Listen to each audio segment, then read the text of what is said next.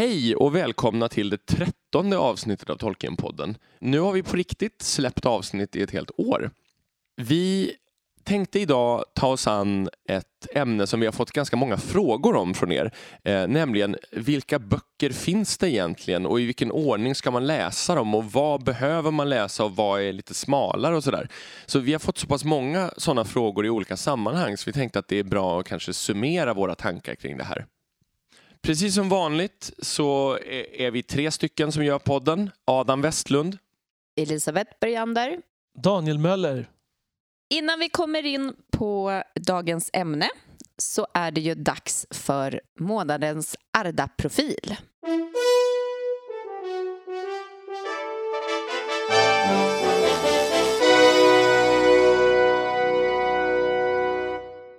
Denna gång så är det Adam som har ansvaret att presentera en person.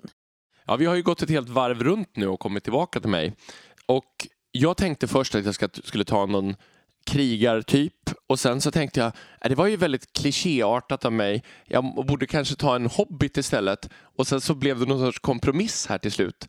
Så ehm, den karaktär som jag har valt är Bandobras Tuk.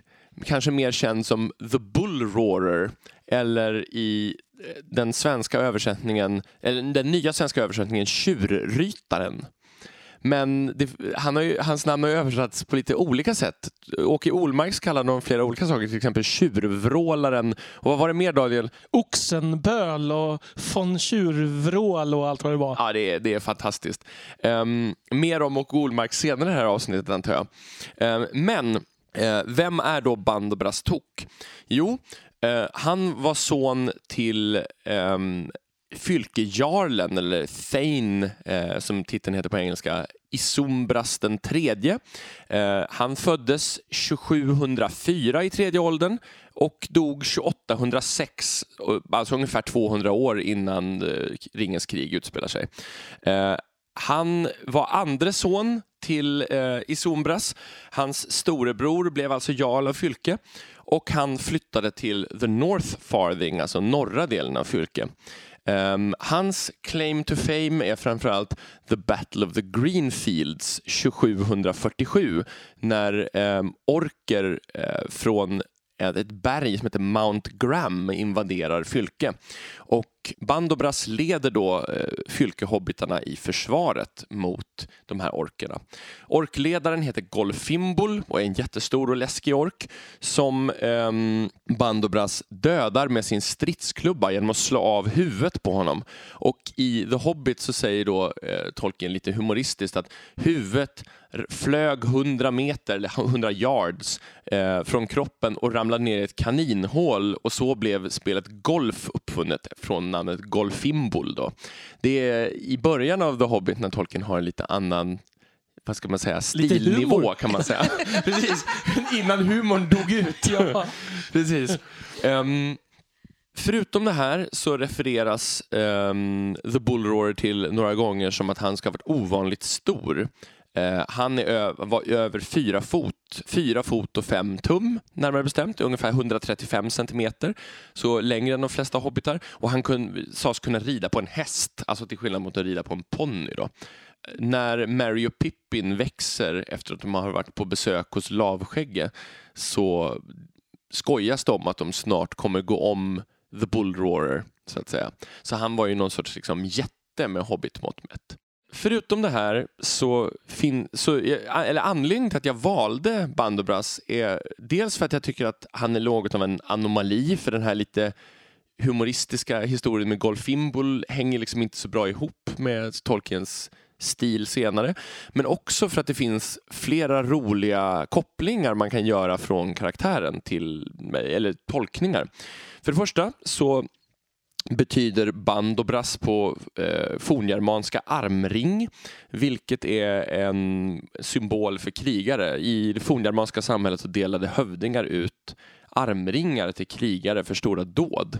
Familjen Tok, de har ju väldigt storslagna namn generellt. Mm. Eh, I Hobbit-världen så är det de som har de pampigaste namnen. Kan man säga. Precis. Han är dessutom, eh, han är dessutom kopplad till historien. Pippin kan vara besläktad med honom på långt håll på så sätt att det är Tok-klanen. Men mycket närmre än så är det så att han flyttade till Långkliv i norra Fylke och eh, ble, fick en väldig massa barn och barnbarn. Och därifrån kommer Pippins fru, Diamond of Longcleave. Så hon är antagligen en ättling i neds, rakt nedstigande led från Bandobras bullroarer. Så hon och Pippin kan ha fått väldigt långa barn om då Pippin hade ent draft i sig så att säga. Oh. Ja. Ehm, hur som helst så finns det ju fler eh, tolkningar man kan göra utifrån till exempel namnet. Bullroarer är också namnet på ett instrument som finns i ett antal urfolk. Det kallas olika saker eh, på svenska. Eh, brummare, brumsnurra, vinare. Och det är, vad, vad kan man beskriva det som? En sorts träplatta eller träklinga på ett snöre som man snurrar. Mm, så man får ett brummande, vinande läte Precis. helt enkelt.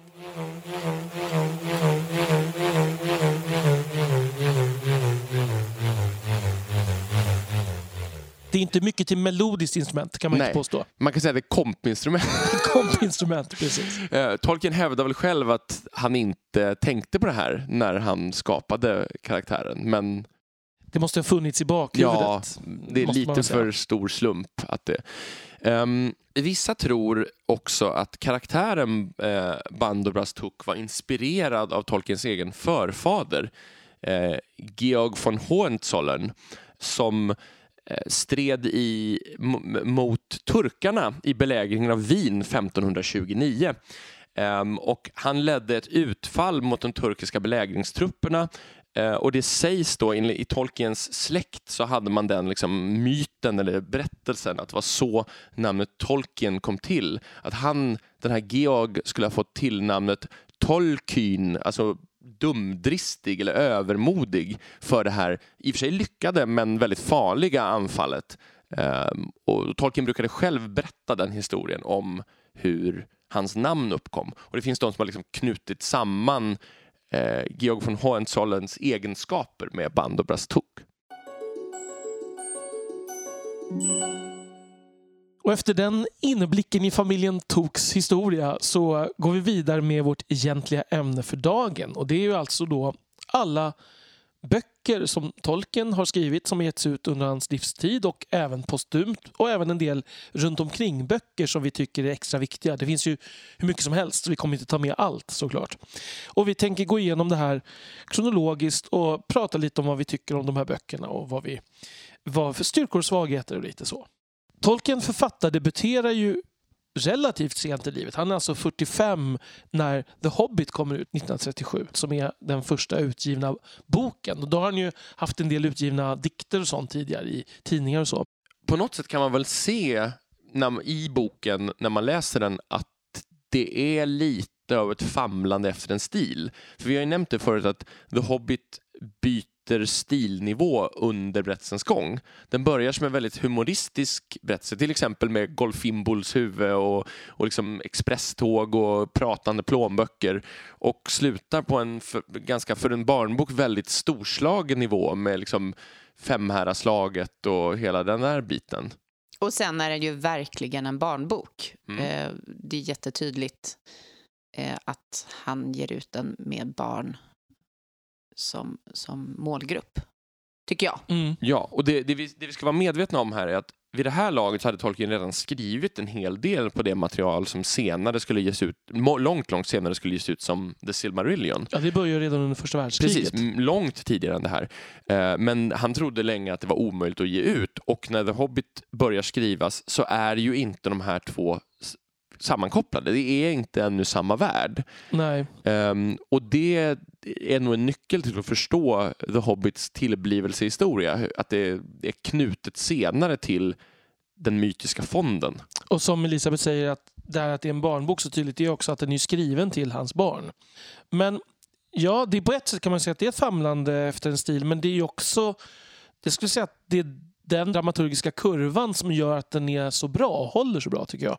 Att den, man sugs just långsamt in i en mer episk värld Mm. genom att ge, från en lite mer, vad ska man säga, vänder sig direkt till läsaren, eh, lite så här prillig engelsk professorstil eh, på, av gammalt mått. Liksom.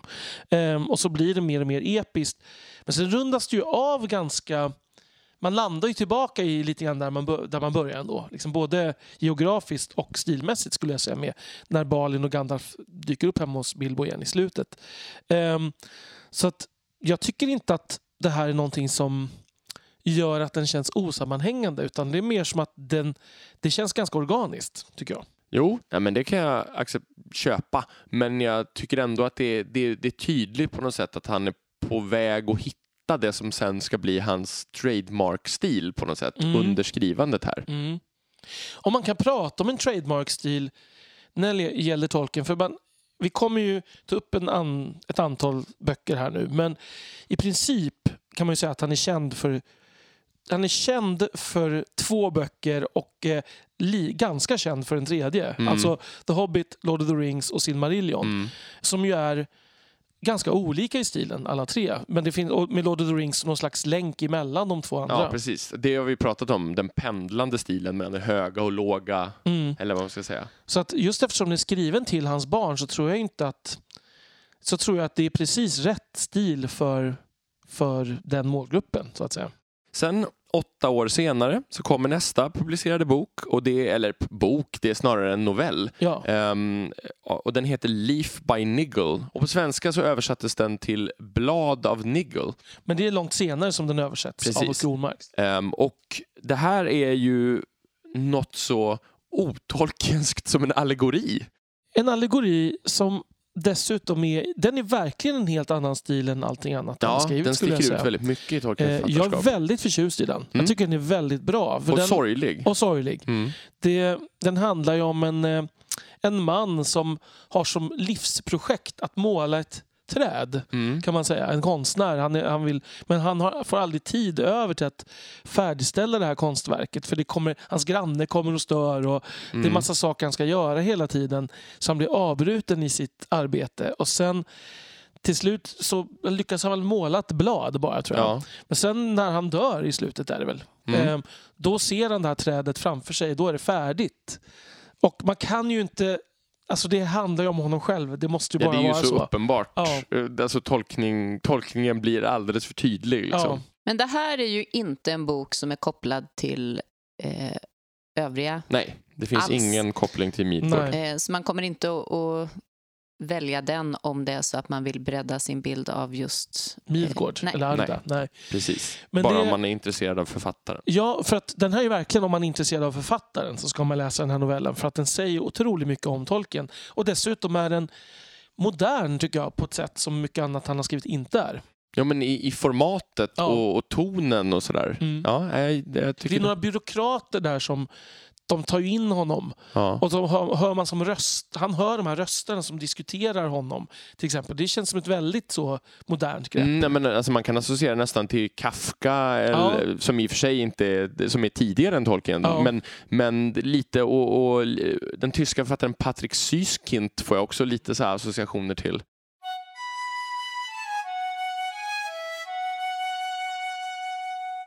Samma år som Leaf by Niggle så publicerar Tolkien också ett diktverk eh, i, eh, troligen i eh, tidskriftsform i The Welsh Review 1945. Så den, och den här dikten heter The Lay of Outro and Itrun eh, och jag ber om ursäkt om uttalet är fel för det är britanniska, alltså det gamla språket från Bretagne.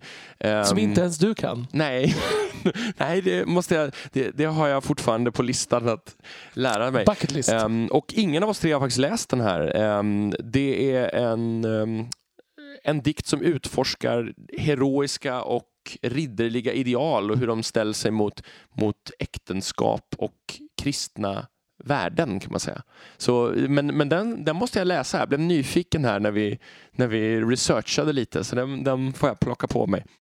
För vissa av er kanske det kommer som en överraskning att det nämns ett antal verk och böcker här som ni knappt hört talas om. Och det är, här kommer en till. Det är eh, Giles of Ham som på svenska fick titeln Gillis bonde från Ham.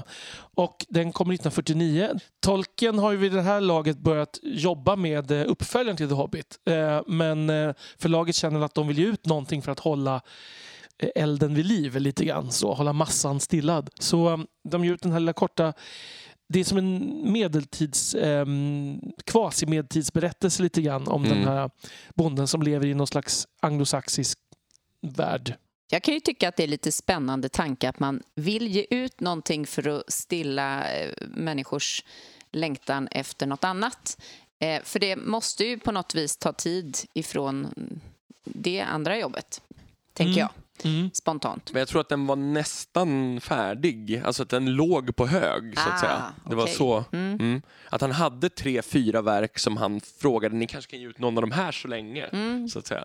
Som bara behövde lite redigering och Annars tänker jag kopplingen till Song of Ice and Fire som eh, där man väntade på fortsättningen och sen så kom något prequel. annat och så kom någon tredje och så kom saker som... Och dessutom får man inte glömma att Tolkien livnärdes ju inte på sitt författarskap utan han jobbade ju som lärare hela tiden eh, under tiden här. Och Mm. det vet vi att det tar tid.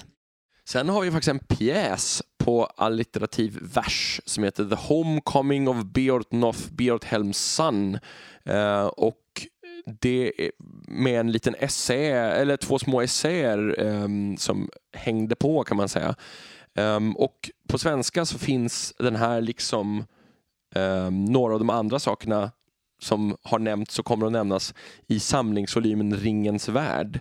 Uh, det här är ett ganska kort Uh, utdrag av två anglosaxiska krigare som, som tar hem en död hövding till hallen kan man säga.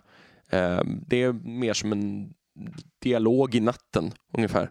Mm. Eh, lite småintressant men ja, in, inte mer än så.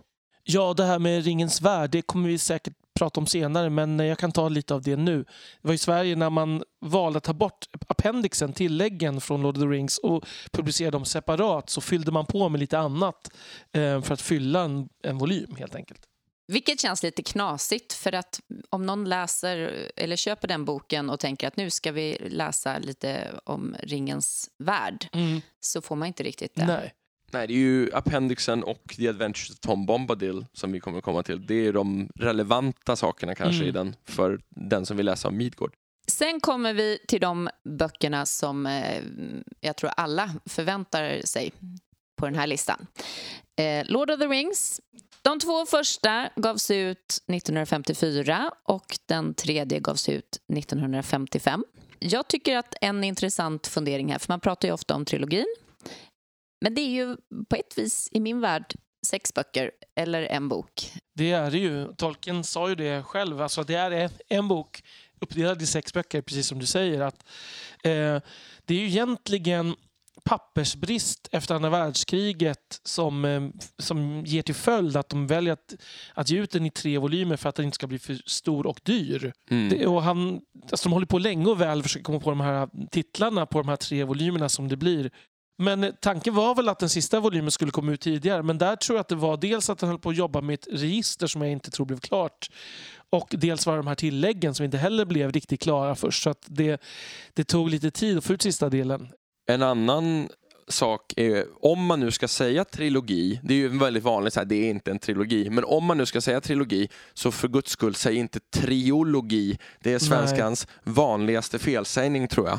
Jag vet inte hur många, Kanske inte vanligaste, det finns andra också. jag vet inte men hur den är många unga Tolkien-fans som jag har bl- blivit arg på i mina dagar när de har sagt triologi. Nej, det, det, är, en- det är en rimlig felsägning ska man säga. Ja, man förstår blandar var den kommer det. ifrån. Ja. Egentligen är väl det här de böcker som vi kanske behöver prata minst om i, i en sån här genomgång eftersom alla är hyfsat bekanta med innehållet. Mm. Vi kan Ehm, rekommendera den. Det kan vi absolut göra. Det är en bra det, är en bok. bra bok. det är en bra bok. Men, och det är ju här som tolken blir eh, alltså, stjärna kanske att ta i över en natt. Det blir han ju inte. Men det blir ju... Den säljer väldigt bra och blir väldigt populär. Och Mm. eh, det skapas ju ett sug efter fler uppföljare här, Mm. får man säga. Och han får ju en mycket eh, han får ju ett mycket större erkännande än efter The Hobbit. Även om The Hobbit var en framgångsrik barnbok så Mm. får han ett helt annat rykte här. Ja, sen nästa verk som kommer ut det är ju den här lilla diktsamlingen då, The Adventures of Tom Bombadil som vi har pratat om en del i avsnittet om Tom Bombadil. Och det är en samling med dikter där eh, flera är tydligt Midgårda och andra nästan är intvingat Midgårda skulle man kunna säga. Den här ger han ut dels för att hans faster var det väl som ville ha någonting litet och ge julklapp till sina väninnor. Eh, och sen är det väl återigen för att smida lite medan järnet är varmt. Det här är trots allt 1962 så det är sju år efter att Return of the King har kommit ut. Eh, för, för under ti hela tiden här så håller han på att kämpa med Silmarillion ska man ju säga. Samtidigt som han rättar prov och annat. Och det är väl ungefär vid den här punkten som Silmarillion strandar Mm. eh, och står tvärstill sen väldigt, väldigt länge. Den här går alltså att hitta i eh, Ringens värld. Precis. Jag vet inte om den går att hitta längre.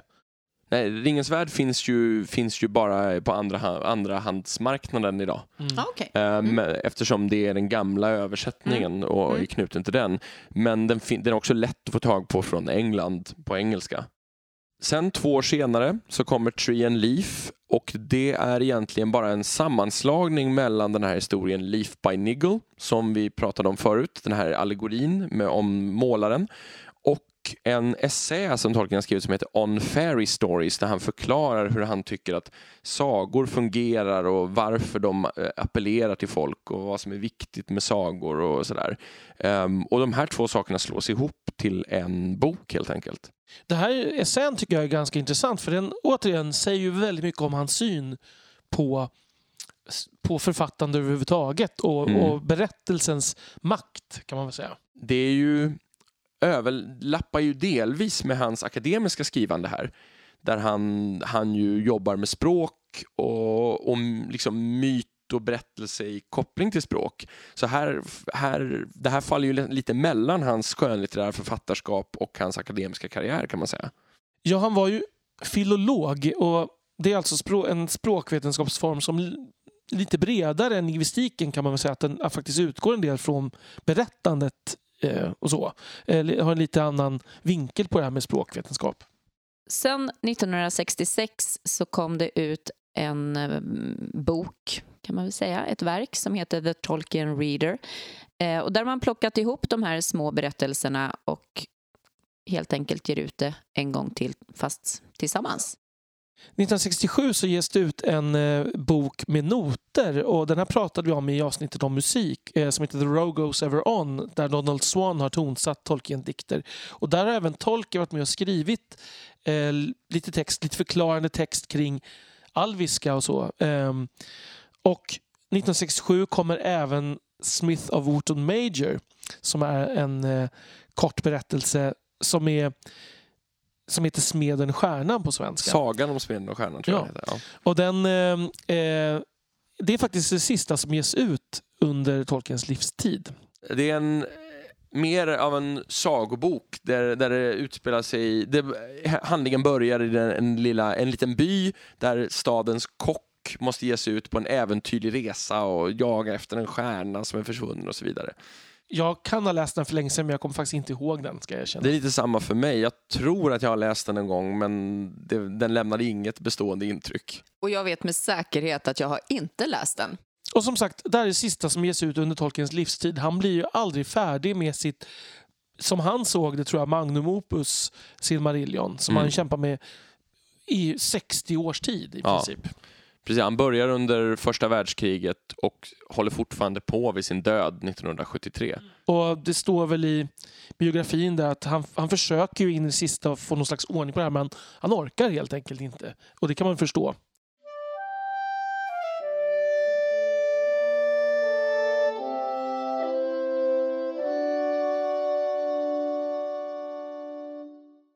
Sen börjar vi då med postuma utgivningar och den första vi kan ta upp eh, är översättningar som Tolkien gjorde. 1975 kom översättningar av tre medeltidsverk. Sir Gawain and the Green Knight, Pearl och Sir Orfeo. Och Sir Gawain and the Green Knight är ju helt klart den kändaste av de där tre. Eh, och det är en ganska känd myt som ingår i Arthur-cykeln där Gawain träffar på en mystisk grön riddare och utsätts för olika moraliska prövningar kan man säga. och det, Tolkien gjorde alltså en egen översättning av det här eh, från, ja, till modern engelska. Ja, sen har vi ju The Father Christmas Letters, alltså breven från jultomten tror jag den heter på svenska. Eh, kommer ut 1976. Om jag inte minns fel så är det Christopher Tolkiens fru Bailey som får uppdraget att ge ut den här. Med, när Tolkiens barn var små så skrev han varje år ett brev från jultomten som han, eh, alltså, eh, till dem med, där han berättar små berättelser om äventyr på Nordpolen med isbjörnen och jultomten. Och, eh, ganska utarbetade brev får man säga, med, såklart. eh, och, och, han, och han gjorde massa, hade massa bestyr för att få det att se verkligt ut. Så att han gjorde så här ett snöigt fotavtryck på dörrmattan och såna saker för att de skulle tro att det var jultomten själv som hade kommit med de här breven. Och, och typ pillade med pappret så att det skulle se gammalt ut ja. och, och liksom ritade bilder i marginalerna. Och, ja. ja, det är väldigt eh, pyssligt. Eh, och jag kan väl säga att det är ju inte någon stor litteratur. Det är ju inte tänkt som det heller, får man ju säga. Eh, det här är ju en familjetradition som har, sen har getts ut. Eh, man kan väl säga lite cyniskt för att slå mynt lite av pappans namn här kanske. Mm. Men, men å andra sidan så visar det kanske en annan syn på Tolkien än den man ofta får. Mm. För, för den här liksom professorn som är besatt av sin egen värld och sitt eget, eh, sitt eget verk Um, man skulle kanske annars kunna dra slutsatsen att han inte var så familjeorienterad men det här är ju till exempel ett tecken på att han verkligen var det. Och sen så kan man det också bekräfta den här känslan av att han är ganska mycket för detaljer. Mm, kanske lite överambitiös ibland. Något lätt. Året därpå så kom då till slut ändå en version av The Silmarillion. Eh, 1977. Och eh, den har vi alla tre läst. Ja. Ja. Några gånger redigerad av eh, Christopher Tolkien, som har sagt förut. Eh, en bearbetning, ihopslagning av massa olika versioner av de här berättelserna kan man säga. Som, ska häng, som ändå hänger ihop. Ja, och Christopher, vi, vi ska understryka många gånger, Christopher Tolkien gjorde ett hästjobb för att få det här att fungera. Han eh, liksom sorterade upp alla pappas, eh, alla pappas anteckningar, eh, listade ut från vilka tider de var, liksom, försökte lista ut vilken version som var den han ville ha kvar i slutet, försökte få de olika sakerna att gå ihop med varandra. Så det är liksom Christopher Tolkiens Många gånger tror jag man underskattar hans insats även i redigeringen av The Silmarillion. Mm. För det är ju från väldigt många olika tidsepoker och det är inte på något sätt liksom färdigredigerat eller ens sorterat det här. Nej, och, och det som på något sätt skulle bli den stora kataklysmiska slutberättelsen om Gondolins fall, typ, den, mm. den åt vänder ju Tolkien inte till, alltså kommer inte speciellt långt i alla fall, sent i sitt liv, utan den version som fanns att tillgå var väldigt tidig. Det var från, från The Book of Lost Tales på 20-talet. Ja, och så, få ja. den att hänga ihop med, med andra sena berättelser. Så i princip får väl Christopher Tolkien i princip skriva den själv, eh, alltså i, på, i en mer översiktlig version.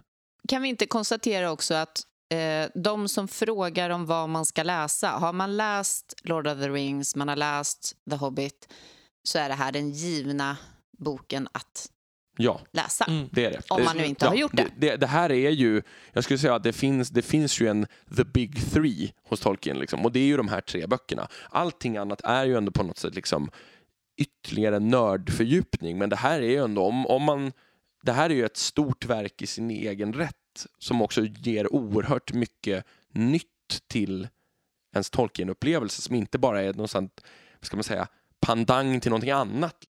Och han själv såg ju det här som sitt stora verk. Alltså det måste vi understryka. För honom var det här viktigare än The Lord of the Rings. Men jag tror att samtidigt att när Lord of the Rings sögs in i den här världen så blev det också viktigt för honom. 1979 så kommer Pictures by J.R. Tolkien ut. Det är alltså bilder och målningar och skisser av Tolkien. Eh, och sen 1980 kommer Unfinished Tales som ju är, heter Sagor från Midgård på svenska.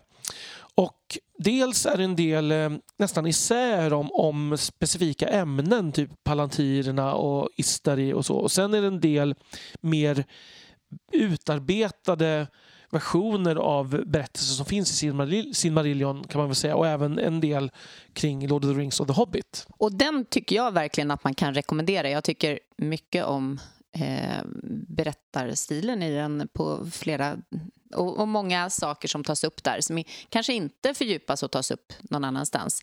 Så den är verkligen någonting som jag tycker att eh, har man läst de andra sakerna då kanske det är bok nummer fyra att ta sig an. Det här är väl på något sätt också ska man säga, ja men jag tänker så här, innan man börjar läsa det som är nästan facklitteratur så är det här någonstans mitt emellan. Det är fortfarande många gånger ganska långa skönlitterära segment som går att läsa utan att liksom nö, liksom nörda in sig för långt. Men den börjar introducera den här eh, vad ska man säga, nästan facklitteraturen som finns runt omkring som har getts ut senare. Mm. kan man säga. En liten intressant detalj. Den var faktiskt bok nummer tre som jag läste. För Jag skulle läsa Silmarillion, men den var utlånad på biblioteket. eh, så att då råkade jag ta den här istället. Sen kommer ju ett verk som vi har hänvisat till otroligt många gånger och det är The Letters of J.R.R. Tolkien. Eh, och den är, det är en sammanställning av brev som J.R.R. Tolkien har skrivit. Eh, det är ju absolut inte alla, men det är många brev samlade av Christopher Tolkien och eh, bio, biografiförfattaren Humphrey Carpenter.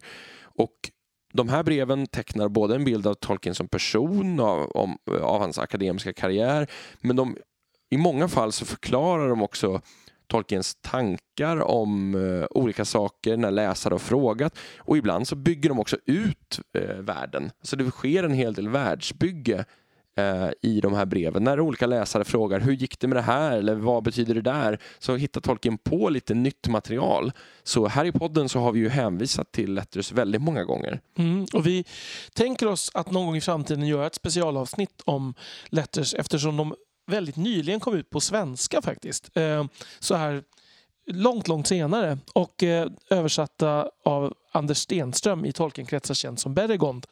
1982 eh, släpper Tolkien Finn and Hengest... The ja, inte han själv. Nej, men så släpps av, av Tolkien Finn and Hengest, The Fragment and the Episode som är en essä som är baserad på föredrag han höll. Det handlar om anglosaxiska hjältar som finns med i Beowulf och resonemang kring vilka de kan ha varit och deras litterära roller kan man säga. Och samma år kommer Mr Bliss som är en annan av de här små berättelserna som inte har någon Midgård anknytning. Svenska heter den Herr Salig. Och eh, 1983 kom ytterligare en, en eh, samling essäer under namnet The Monsters and the Critics med en del om Beowulf och även eh, den här On Fairy Stories dyker upp igen och A Secret Vice som handlar om hans språkintresse och lite annat. Så ni märker så finns det ganska mycket så här perifer litteratur som är getts ut mellan de här stora centrala verken för, för Midgårdsläsaren kan man säga. Sen kommer vi till det här stora bandet av böcker. Eh, 1983 kommer första och sen fortsätter det att ges ut eh, böcker som ingår i The History of Middle Earth. Eh, sista boken kommer ut 1996. Och det är tolv olika delar som någorlunda kronologiskt går igenom Tolkiens författarskap eh, och samlar alla inte alla, många tidiga utkast och versioner av berättelser både från Silmarillion och även tidiga utkast till Lord of the Rings och lite andra kringberättelser som har med Arda att göra. Och vi ska ju säga att det här är ju på något sätt slutstationen kan man säga. Det, det här är det mest svårtillgängliga som finns utgivet av Tolkien och om man, har, liksom, om man vill ha mer efter att ha läst Unfinished Tales och vissa av de här, liksom, och Silmarillion och kanske de här, vissa böcker som vi kommer till senare, då är ju The History of Middle Earth liksom eh, Ja, det är ju det är som att läsa, det är motsvarigheten till att läsa Proust kanske här i ja, eller, eller snarare som att, det är snarare som att läsa... Nej, men, nej, men det, är, det är ju att läsa en, en akademisk utgivning av berättelsernas tillkomst. Mm. Det är ju fotnoter, det är o, ibland är det oerhört tråkigt, det måste jag faktiskt liksom tillstå. Att det är samma version av en berättelse fyra, fem gånger och Angbor och Agnor hoppar namnen fram och tillbaka. Ibland är de bröder, ibland är de far och son. Det är såna där, ibland är det ju väldigt lite som händer. Mm. Men Christopher Tolkien som har gett ut det här är extremt noggrann och säger och här har pappa ändrat sig och strukit över med rött bläck och sen har han suddat och skrivit till någonting som han sen bara ändrade sig tre veckor senare. Alltså det är otrolig detaljnivå. Och ändå är det ju inte allt. Nej. Utan det här är ändå ett urval han har gjort. Men, och vissa delar ska vi säga är ju är ju intressant att läsa. Alltså, ja, alltså, absolut. Det är, ju otroligt intressant, men det är ju en oerhört stor och tung läsupplevelse. Ja, kan man det säga. måste man säga. Ehm, men det är en litteraturhistorisk gärning som knappt har någon like skulle jag säga. Mm. För att det är väldigt sällsynt att man får följa en författares eh, hela författargärning på det sättet. I den detalj, på den detaljnivån, ja. Mm. Men man ska vara intresserad av själva processen och se hur en författare skriver och tänker och lägger upp och skriver om och så vidare för att ge sig på det. Om man bara vill, vill göra, vad ska man säga, nedslag här och där så skulle jag säga att de första två böckerna, The Book of Lost Tales, som är alltså den första versionen av Silmarillion, är är mer sammanhängande eftersom det finns en färdig version och det går att läsa den och man, om man vill kan man hoppa över fotnoter och sånt och, och bara, för det är, en, det är en väldigt njutbar, eh, fin och lite annorlunda berättelse i tonen. Mm. Ehm, med sjöfararen Elfwine eller senare Eriol som kommer till The Cottage of Lost Play på den det, på Tol Eresia och får höra berättelser om förr. Så att säga. Och det är den första ramberättelsen till Silmarillion. Um, sen finns ju några av de senare böckerna som berättar om eh, historien om The Lord of the Rings. Där kanske många kan tycka att det är spännande också att läsa så här, utdrag av hur det var tänkt från början och när karaktärer ploppar upp i Tolkiens huvud för första gången och hur de då är skildrade och sådär. Förlaget vill ju förstås, som går från Allen och Unwin till Harper Collins någonstans här tror jag. Ehm, de vill ju gärna hålla liv i det här så de fortsätter ju ut en del saker igen. Det kommer en, 1995 kommer Artist and Illustrator som är en ny samling av Tolkiens konst. 98 kommer Rover Random som är ytterligare en sån här liten småberättelse. Jag tror det handlar om en hund. Ja, det är en saga som är baserad på en gosehund. Från början. Såklart. En av, ett av Tolkiens barn tappade bort sin hund och för att trösta, så, äh, det här är ju, den är ju inte skriven då utan den är utgiven, den är ju oerhört gammal. När, vet du, alltså den, den är ju skriven när något av hans barn var små, jag kommer inte ihåg vem det är. Och då berätt, skriver han en berättelse för att trösta vad som händer med hunden, att den träffar en trollkarl och ja. Återigen hans, eh, visar hans eh, familje, fa, familjefadern Tolkien. Eh, och det kommer ut återutgivningar och sådär. Eh, nästa stora utgåva kan man väl säga, det kommer 2007 och det är The Children of Hurin som ju är ett sätt av Christopher Tolkien att få en av de stora berättelserna i Silmarillion inom samma perm eh, som en sammanhängande berättelse som är lite mer utförlig än den i Silmarillion. Och det det här ska ju sägas att i princip all text i The Children of Hurin är redan publicerad i Unfinished Tales, men då med lite notapparat och lite olika versioner och så här. Här bygger han en sammanhängande berättelse som inte behöver läsas fackligt överhuvudtaget och som dessutom är lite introduktion till ramberättelsen i Silmarillion i början så att den ska gå att läsa utan att man ska ha stenkoll på, Mm. på resten från den tiden. Och den är ju fantastisk. Och om man inte är eh, 100% sugen på att läsa eh, Silmarillion så är det här ett väldigt, väldigt bra alternativ Mm. att sätta tänderna i efter de två första. Jag Ja. tycker att det här är något av det bästa Tolkien någonsin skrev. Eh, Det är oerhört bra och det är en väldigt, väldigt annorlunda ton än, än, ehm, ja, än mycket annat faktiskt. Det är väldigt mörkt. Det är en nästan shakespeariansk Mm. tragedi. Det är verkligen. Jag måste bara säga, jag håller med. Det här är för mig den bästa berättelsen i hela Silmarillion. Och den, därför den också den står så väldigt bra på egna ben, även om man behöver en del förförståelse och kringförståelse. Den finns för övrigt översatt på svenska av Öyvind Lång, tror jag översättaren heter. Eh, Horins barn. Någonting som inte finns med i The History of Middle Earth är ju hur eh, The Hobbit kom till. Men det, det överlät Christopher Tolkien åt eh, John D. Rateliff som fick ge, ge ut The History of the Hobbit. Där han går igenom tidiga utkast och skisser till The Hobbit. Vilket också är väldigt intressant om man nu vill fortsätta ner i det här akademiska nörderiet kring författande. 2009 släpps The Legend of Sigurd and Gudrun som är Tolkiens eget försök på en eh, allittererande Eh, berättelse om eh, eh, Völsungasagan. Eh, Sigurd, drakdräparen, eh, Fafnesbane och eh, eh, Atle, alltså Attila i, i, vad heter det, i germansk mytform Eh, det här är det som blev Nibelungen ring av Wagner till exempel. Eh, och det här, jag tycker, jag som är väldigt intresserad av fornnordisk allittererande poesi tycker att det här är en ren njutning. Det här är en bok man kan slå upp var som helst, läsa, läsa en vers och bara sitta och njuta.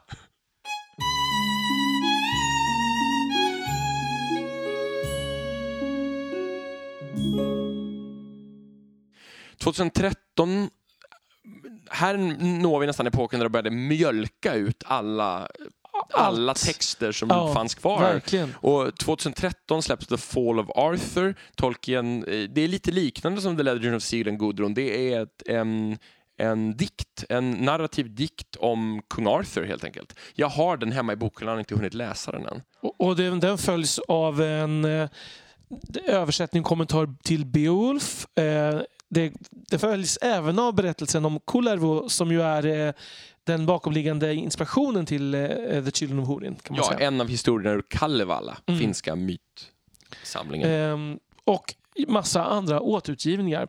Och sen 2017 kommer ju Beren Luthien som vi har recenserat här i podden. Mm. Men nu kan vi också avslöja att 2018 så kommer alltså The Fall of Gondolin, alltså den tredje stora berättelsen i Silmarillion kan man säga, mm. i en separat utgåva. Och man kan då säga att Children of Hurin och Beren Luthien är ju de två andra stora berättelserna och där är vi ju väldigt nöjda med Children of Hurin-utgåvan och mindre nöjda med Beren Luthien-utgåvan som ni som har lyssnat på podden länge vet om. Tyvärr verkar det som att The Fall of Gondolin kommer bli precis samma av samma skrot och korn som Beren Luthien. Alltså Christopher Tolkien samlar helt enkelt bara alla versioner av The Fall of Gondolin som finns i The History of Middle-earth redan. Ja. Mm. Så det är, det är ingenting nytt och det är inte sammanhängande.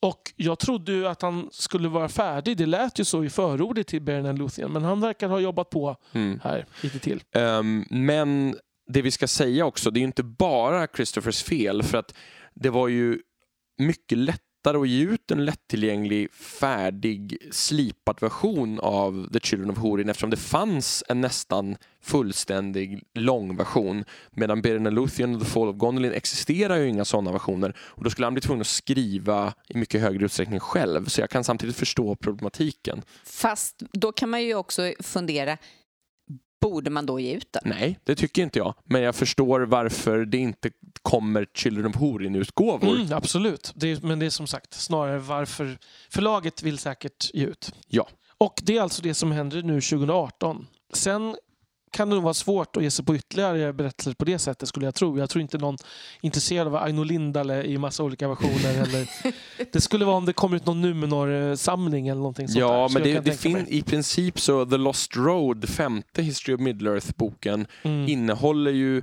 no, en del numenoranskt material. Unfinished Tales har historien om Aldarin ja. och Erendis. Kanske skulle man kunna skapa en Tales of Numenor eller ja, något sånt där. Det skulle inte förvåna mig.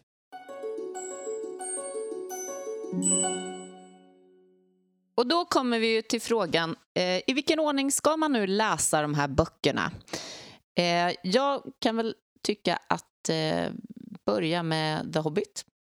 Det tycker jag också. Jag vet att Daniel inte håller med. Nej, det beror på, skulle jag säga. Om man tänker sig att det är en läsare som, man, som bara ska läsa en bok av Tolkien, då tycker du att det är Lord of the Rings? Absolut. Ja, men det tycker jag är självklart också. För, och det finns sådana läsare tror jag. Så att om jag skulle spela upp en Beatles-skiva för en person skulle jag inte välja deras första skiva. Även om den är bra så är det inte liksom deras storverk på något sätt. Nej, eh, jag, jag, kan hålla med dig. Om det är någon som ska liksom få en uppfattning om Tolkien, då ska man läsa Lord of the Rings. Men om det är någon som ska ge sig på liksom ett Tolkien-läsningsprojekt och vet att de kommer att plöja vidare. Och har kanske man... sett filmen innan. Ja, mm. då ska man börja med The Hobbit tycker jag. Inte nödvändigt, men ja, det kan man göra. Om, om man då tror att personen kommer vilja läsa ja, vidare. Ja, men det, det tänker jag. Um, jag tror att de flesta som lyssnar på den här podden ändå faller i kategorin att de kommer vilja läsa vidare på någon nivå. Mm.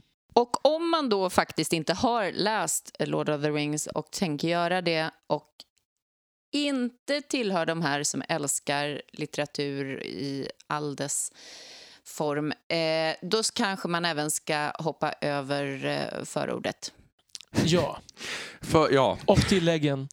Men om man läs, börjar med Lord of the Rings, då ska man läsa eh, i förordet det stycke som heter om hur ringen blev funnen. För då får man ju en, en sammanfattning av Ja. The Hobbit. Absolut. det är ju viktigare än många andra delar av förordet Mm. kan man säga. Sen så, en, en vanlig varning, det är otroligt många läsare som har försökt sig på Lord of the Rings och gett upp någonstans mellan sida 50 och 100 eller 50 och 120.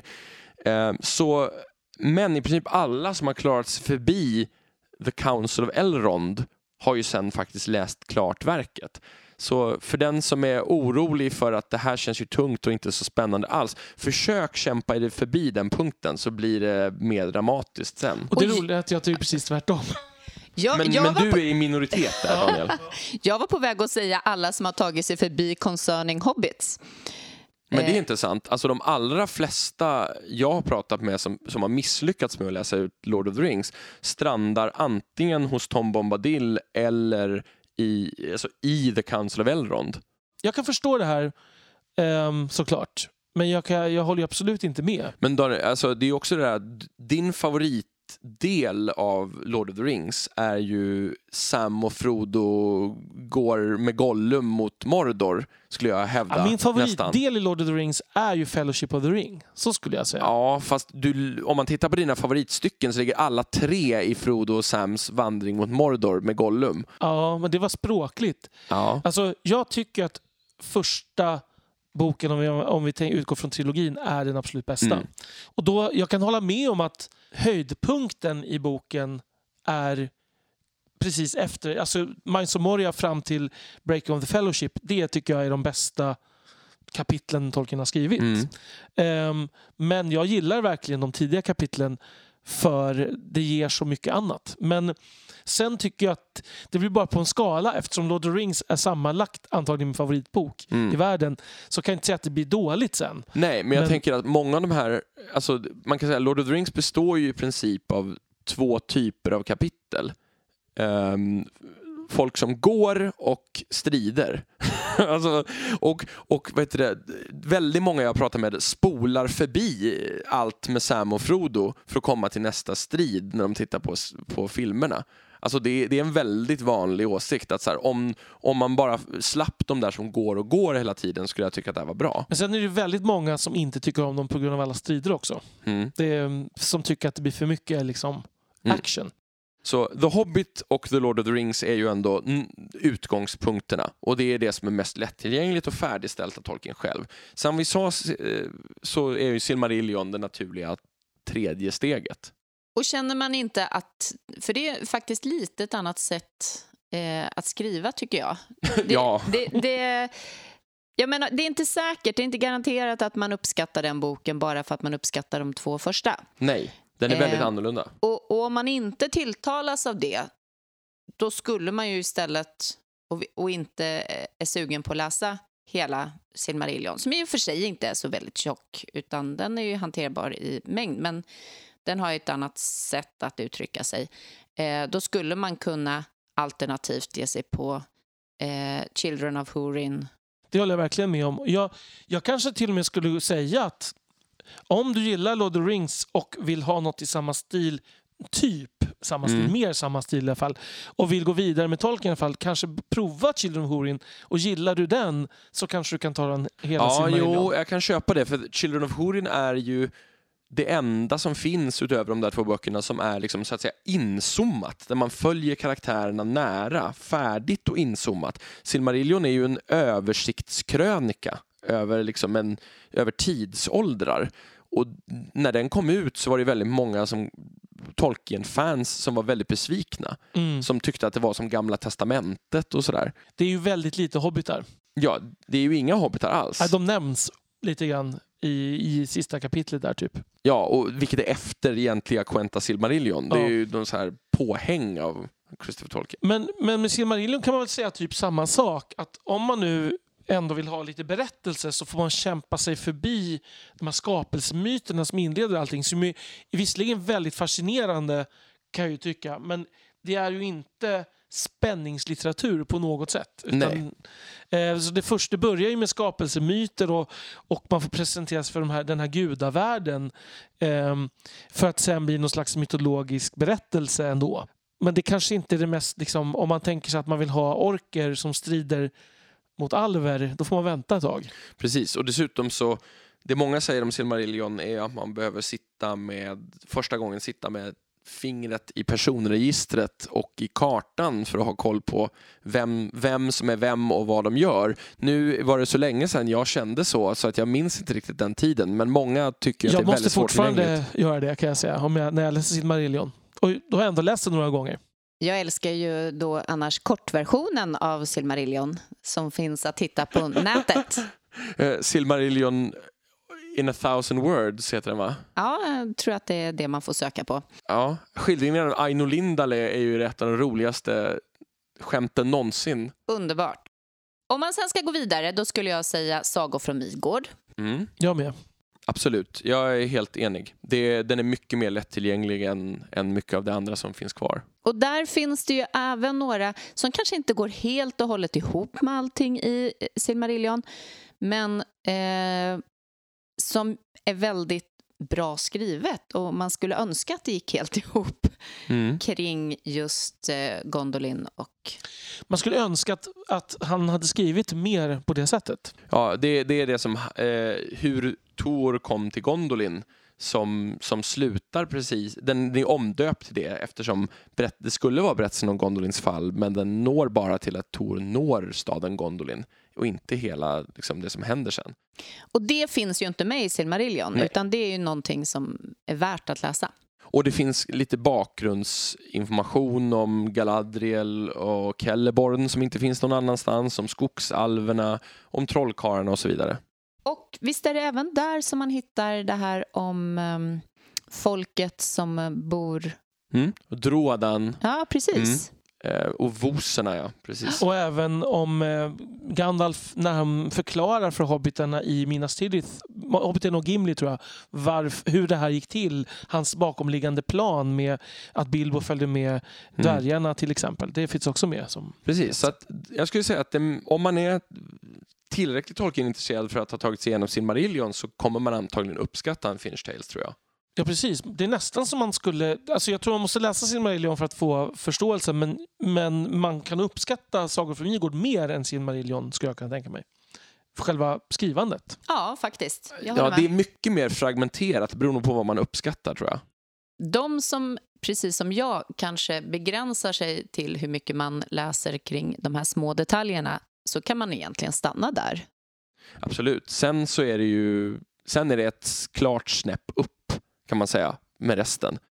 Eller ner om man väljer att läsa de här småberättelserna. Ja, det precis. kanske man inte behöver göra. Nej, men, men, men om man sen vill liksom ge sig in på att lära sig ännu mer om Midgård, då är det ju Letters of J.R.R. Tolkien och The History of Middle-earth som är de två stora källorna att ösa ur. Mm. ja, Stora lätt... källor verkligen om man pratar om History of Middle Earth. Mm. Ja, jag skulle rekommendera Letters före History of Middle Earth. Ja, den är, mycket lättare och kortare och, och sådär. Och Då behöver man ha lite intresse av personen tolken också.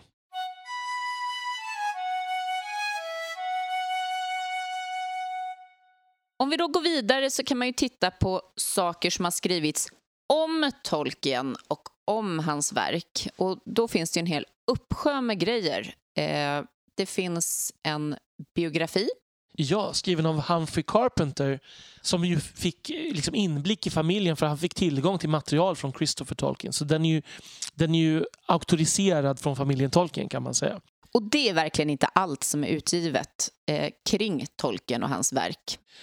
Och den här biografin det är ju den absolut bästa boken man, man kan läsa om man vill veta mer om personen Tolkien. För att det är den enda riktiga biografin som går igenom hela hans liv från början till slut och eh, eh, på ett ganska neutralt och sakligt sätt. Så vill man veta mer om personen så är det absolut där man ska börja. Och man kan säga att mycket av det här som är utgivet eh, kring, som vi säger, är, varierar ju väldigt mycket i kvalitet. Mm. Ja, det, det liksom, och det kan vara svårt om man inte är väldigt intresserad och veta skillnaden på det här. Vad som är bra och dålig Tolkien, liksom, tolkning eller vad man ska säga. Och jag personligen vill ju höja ett varningens finger för David Day som har skrivit en hel del eh, böcker om Tolkien, men det är ganska mycket faktafel, tolkningar som inte riktigt har understöd. Eh, de kan vara liksom lättillgängliga och så, men jag rekommenderar inte David Days Nej, de är böcker. ofta väldigt fina utgåvor också, Mm. så att de lockar en till köp. Och jag, jag tror att jag gillade dem när jag var yngre och inte insåg alla faktafel och sådär. Och det, och det, jag menar, de är inte helt kvalitetslösa, det kan man inte säga. Men det är att, det är att han drar en del slutsatser som är...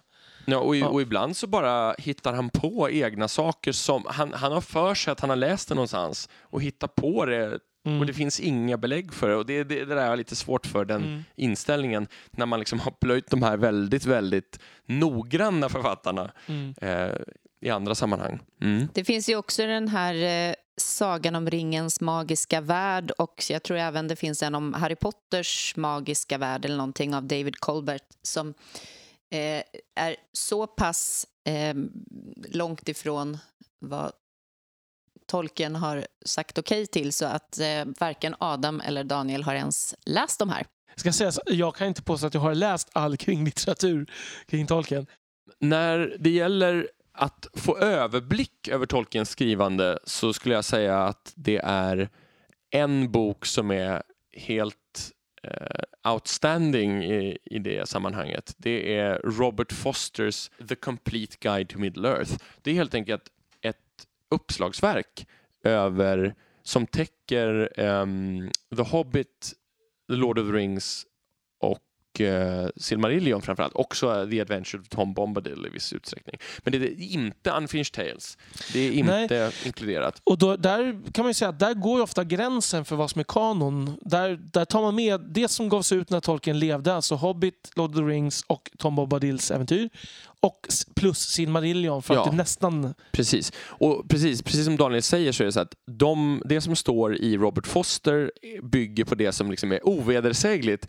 Eh, Medan allting som går utöver det är så att det ofta finns flera versioner och man är inte säker på vilken man ska liksom säga den officiella och tolken ändrade sig under sitt liv fram och tillbaka och sådär. Men Robert Foster är fantastiskt bra eh, som ett liksom snabbt eh, lexikon och uppslagsverk där man vill, när man vill bara hitta info en person eller hitta var någonting nämns eller sådär. Och den tar upp alla personer och platser i alla de här berättelserna. Och som lite kuriosa vill jag här nämna de två svenska Midgårda uppslagsböcker som finns. Och de är båda släppta innan Silmarillion släpptes. Eh, så de är inte helt aktuella. Och det ena är skrivet av eh, översättaren Åke Ormarks och det andra av eh, Ingvar Svensson. Och det som är lite roligt är att det blev en fejd dem emellan. Tanken var att Ingvar Svensson skulle ge ut sin uppslagsbok men Åke Ormarks eh, satte stopp för det för att han tyckte att han hade ensamrätt. Så Åke Ormarks eh, hastade fram och som han brukade ett lexikon med otroligt mycket sakfel och eh, sammanblandningar och nya förvirringar. Eh, och så att Ingvar Svensson kände sig tvungen att ge ut sin eh, typ ett år efter eller någonting sånt på ett annat förlag. Och det här är ju bara kuriosa. Det är ju ingenting som man kan rekommendera för den som vill ha ett lexikon till Midgård idag. Nej. Nej. Då ska ni välja Robert Foster. Åke Ormarks som vi med all säkerhet någon gång i framtiden kommer ägna mer tid åt i något avsnitt. Han eh, gav på senare år ut senare delen av sitt liv ut eh, två böcker som handlar om Tolkien. Den första heter Tolkiens arv. Där ger han sig på Christopher Tolkien framförallt och Silmarillion som han ju inte fick översätta.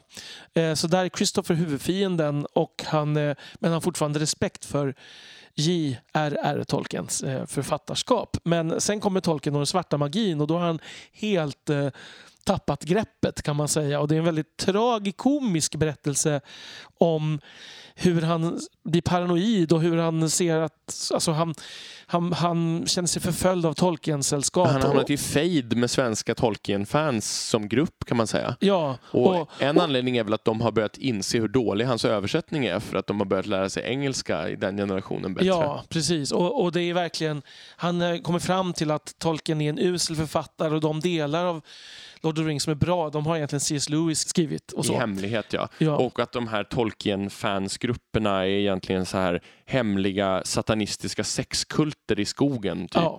Ja. Och de här är det är fantastiskt skrivet och väldigt roligt att läsa men samtidigt väldigt tragiskt på många Ja, sätt. man skrattar ju ihjäl sig men det är, ju, det är en väldigt mörk komedi så att säga. Ja, ja.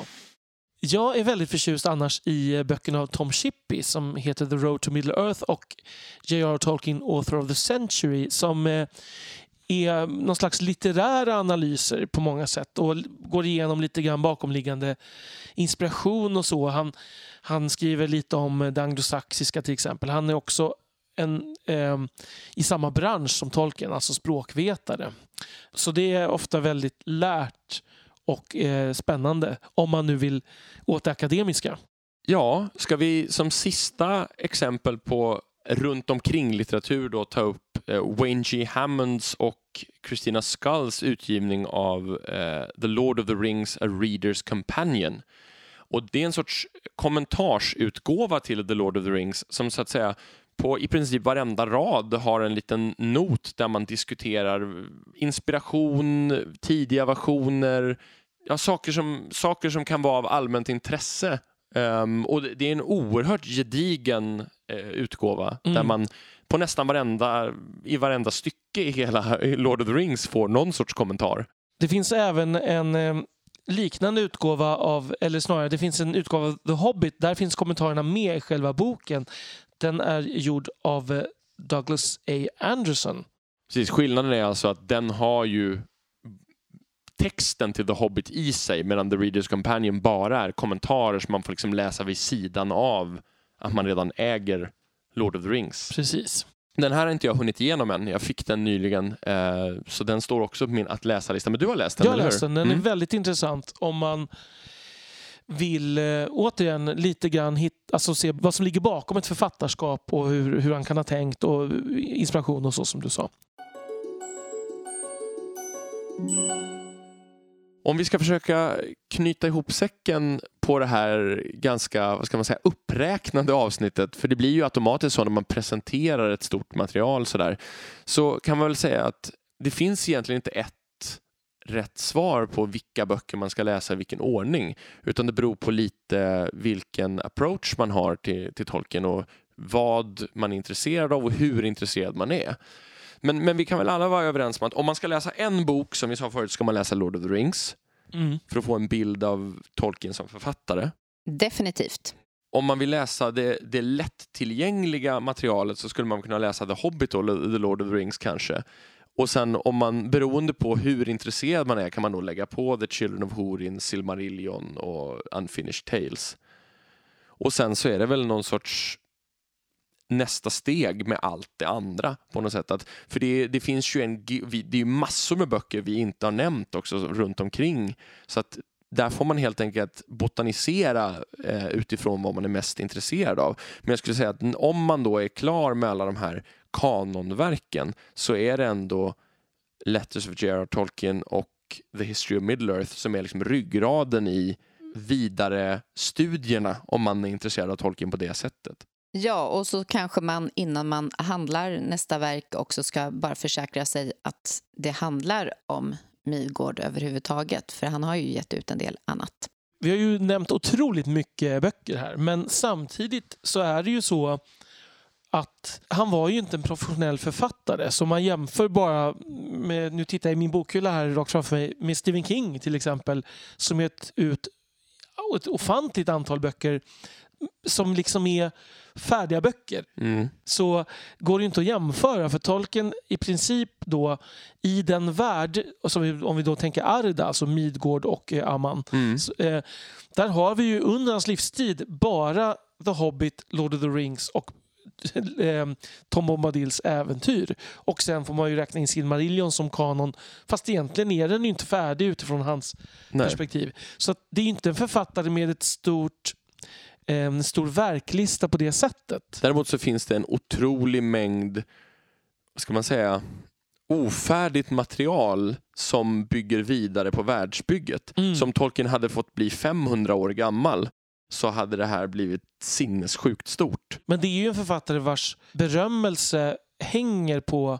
Jag skulle vilja... Jag sticker ut hakan nu. Vars berömmelse hänger framförallt på en bok. Mm. Ja, men det är sant. Där mycket av det andra då är på något sätt känt i relation till huvudverket Lord of the Rings. Mm. Och det skiljer sig från de flesta andra författare skulle jag säga. Det finns ju några andra författare i den kategorin som har gett ut få böcker och där kanske ett verk är det huvudsakliga. Som man, men det de flesta författare är inte, deras gärning ser inte ut på det sättet. Nej. Möjligtvis att man kan säga att det finns en serie eller någonting som en författare Mm. har. Det kan man ju säga.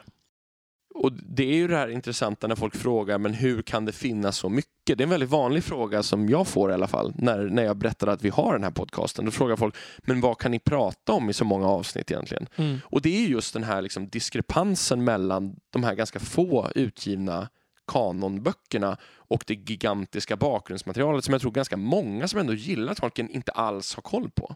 Och det är det som gör att vi kan ha den här podcasten. För annars så, annars så skulle det nog vara svårare att, liksom bredda diskussionen tror jag.